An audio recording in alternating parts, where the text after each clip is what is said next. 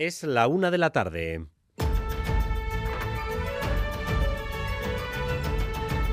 Crónica de Euskadi con Dani Álvarez.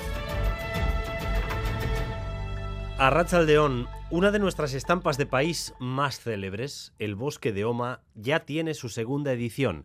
Ya está inaugurado en su nuevo emplazamiento tal y como lo tenía en mente el propio Ibarrola, pero incluso en una versión mejorada, con más hectáreas, con más árboles y todo más fiel a la idea original. Mañana arrancan las visitas siempre con reserva previa. Hoy se ha hecho un pase para la prensa en el que ha estado Xavier Madariaga. A León Xavier. León. Hasta ahora los visitantes disfrutaban de una obra inacabada y en pleno proceso de creación. A partir de mañana ya el bosque de Oma los acoge con todas sus obras completas.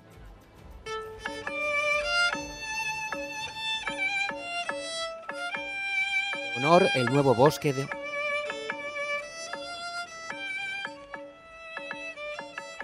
Con Aurrescu de Honor, el nuevo bosque de Oma queda hoy inaugurado y a partir de mañana hay kilómetro y medio de recorrido artístico, casi 800 pinos pintados. Los creadores del nuevo bosque no es más fiel todavía a la idea que Ibarrola tenía en mente. Enseguida recorremos este bosque icono de la cultura vasca.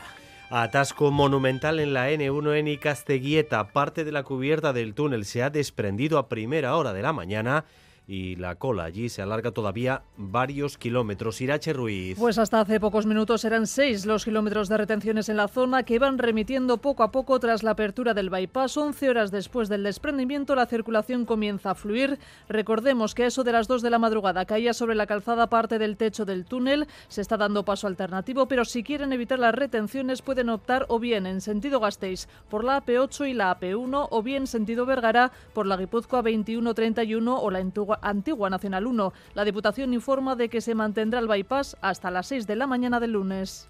Euskadi está en disposición de enviar al espacio el primer satélite de facturación 100% vasca. Se llama Lurbat, cuenta con el respaldo del gobierno vasco y lo ha elaborado la empresa del Goibar AVS en su fábrica de Miñano. Eh, ¿Cuál va a ser la misión de ese satélite Ainhoa Iglesia? Pues hará fotos. Esa es su gran misión, tomar fotografías de la geografía vasca vista desde el espacio que servirán a las fundaciones ASTI y ASI para sus investigaciones. Lurbat tiene el aspecto de una caja metálica no muy grande.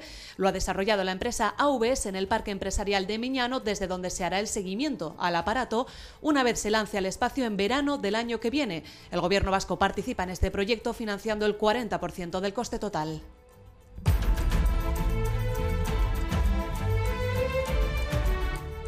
La moda es la segunda industria más contaminante del mundo, pero a la vez la ropa que nos ponemos define nuestra identidad y es también una fuente de empleo y de negocio muy importante.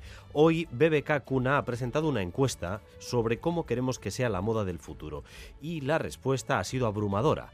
Se reclaman etiquetas con más información para poder comprar sostenible, tiendas con servicio de reparación y contenedores de reciclaje y los más jóvenes también quieren ropa para alquilar. La moda, por tanto, ha de ser verde. El politólogo Braulio Gómez ha dirigido este estudio. Ha cambiado el paradigma del futuro. Nuestro futurismo es mucho más eh, de visibilizar eh, paisajes sostenibles que tecnológicos. Ahora cuando les pones a soñar, pintan árboles. Antes pintaban robots, antes pintaban coches volando y ahora pintan árboles. Iñaki Martínez de Luna recibe el premio Manuel Lecuona de Eusko Ikaskuntza 2023.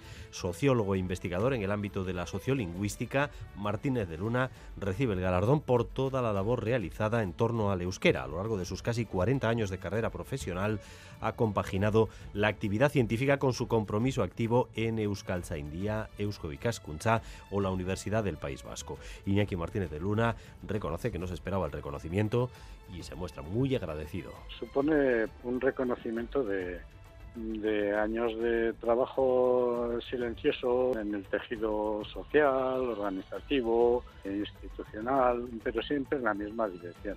Trabajo pues por nuestra comunidad, por nuestra cultura, por nuestra lengua Y vamos también con lo más destacado del deporte. Álvaro Fernández Cadierno, Arracha León. Arracha León hasta cuatro citas hoy, dos días de baloncesto. En la Euroliga se juega el Panathinaikos Basconia a las ocho y cuarto y en la LEP Oro a las 8 el GBC Fuenlabrada. En fútbol tenemos partido en Ipurúa en segunda, Eibar Valladolid 9 de la noche y también tenemos derby en balonmano Liga Sobal 8 y media Anaitasuna Vidasoairun. Viernes de nubes y claros y una leve bajada de las temperaturas en la mitad sur. Por la tarde no se descartan lluvias ocasionales en la costa, allí el viento va a soplar con intensidad y las temperaturas máximas no superarán los 20 grados. A esta hora se registran 18 en Bilbao, 17 en Donostia y en Bayona, eh, con lluvia todavía allí, 14 grados de temperatura en Vitoria-Gasteiz y en Iruña. Gracias un día más por elegir Radio Euskadi y Radio Vitoria para informarse. Raúl González y José Ignacio Revuelta se encargan de la dirección técnica y María Cereceda de la coordinación. Crónica de Euskadi con Dani Álvarez.